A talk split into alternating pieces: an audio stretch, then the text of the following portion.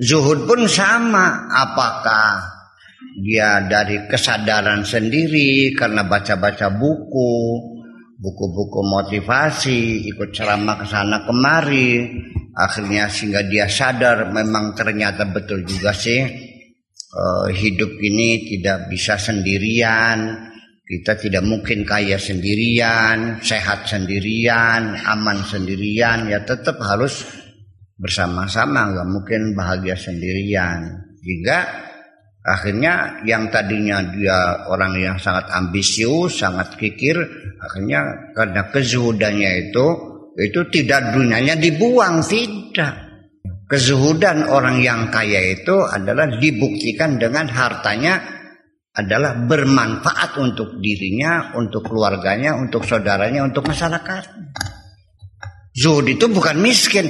Zuhud itu itu menghilangkan hubud dunia. Paham nggak?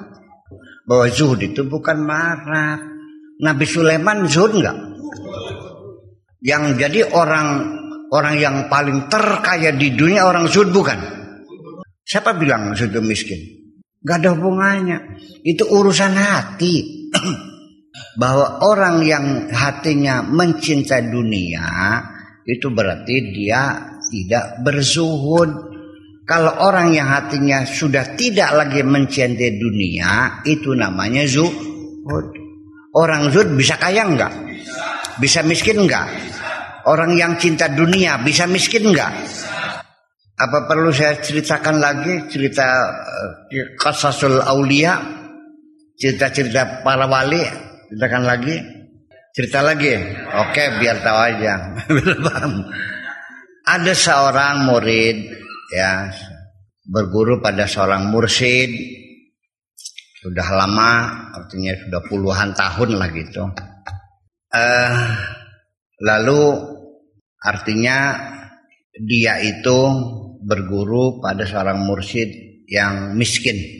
Artinya rumahnya gubuk di pinggir pantai sehari-hari usahanya hanya menjala.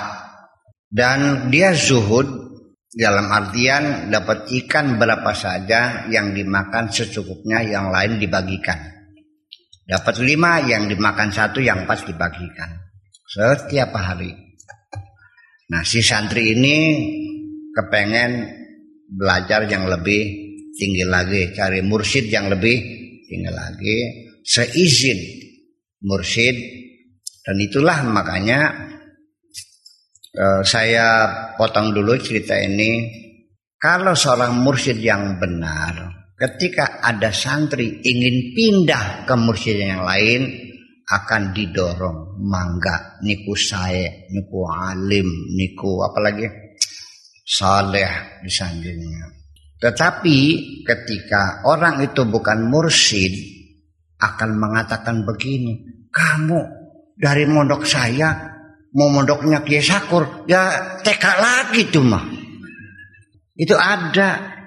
Sudah SMA mondok Kiai Sakur ya TK lagi tuh mah. Bisa apa sih? Bisa apa sih gaji Sakur itu? Itu kan realitas sehari-hari. Dan saya tidak marah ya udah bilang aja. Memangnya emangnya gue pikirin. Itu dia mursid benar. Ya kan gitu? Mangga silakan malah direkomendasikan ada mursyid yang lebih tinggi dari saya. Namanya Syekh Abdullah. Di sana. Adanya di sana di Lebanon di sana di, di Syam. Nyari Abdullah masuk kampung luar kampung mubes-mubes sampai lorong-lorong semuanya. Nggak ada namanya Syekh Abdullah Mursyid itu. Ada cerita dulu tukang kayu tapi sudah nggak tahu pindah ke mana. Nanya lagi nanya ke mana hanya satu-satunya namanya Abdullah itu itu adalah orang yang terkaya di daerah itu. Rumahnya kayak istana. Kan gitu. Gak masuk akal. Mana mursyid zuhud rumahnya kayak istana begitu. Tapi karena jangan sampai pulang hampa penasaran coba aja barangkali iya kan gitu. Ditunggu. Otaknya sudah gak masuk akal. Masa waliullah rumahnya istana seperti itu.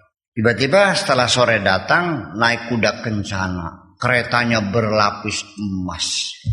Tambah melotot lagi. Mana mungkin. Tapi penasaran nanya. Nah betul setelah dia datang belum ngomong apa-apa si mursid tadi mengatakan kamu dari Irak. Iya.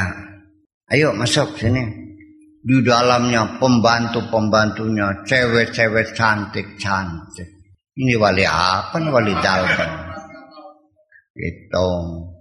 Lalu akhirnya saya ke sini pengen belajar, minta bimbingan, minta irsyad wal wa'ad Kata saya Abdullah nggak bisa saya sibuk karena raja lagi banyak urusan sehingga saya diperlukan untuk negara yang lebih luas lagi.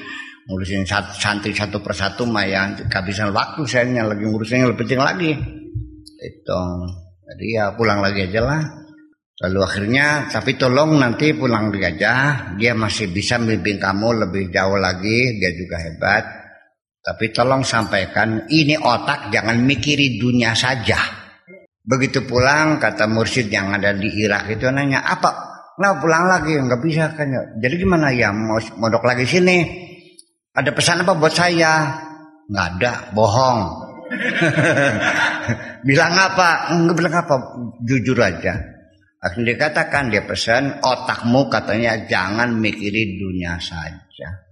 Akhirnya dia pun menangis bertobat pada Allah. Ternyata dalam kehidupan yang miskin masih mikiri dunia juga. Setiap akan melemparkan jala barangkali aja dapat emas. itu di sana yang kaya raya rumahnya banyak emas tapi tidak pernah emas itu masuk ke dalam hatinya.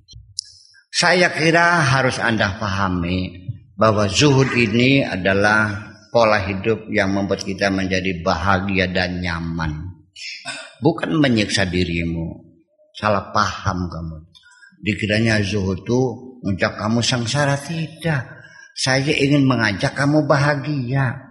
Dunia itu ditaruh di laci, dikunci. Jangan masuk di hati.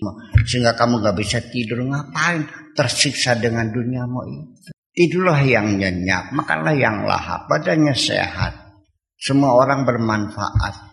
Sudah masukkan di laci, sudah simpan sertifikat mah di laci, ngapain ditaruh di hati?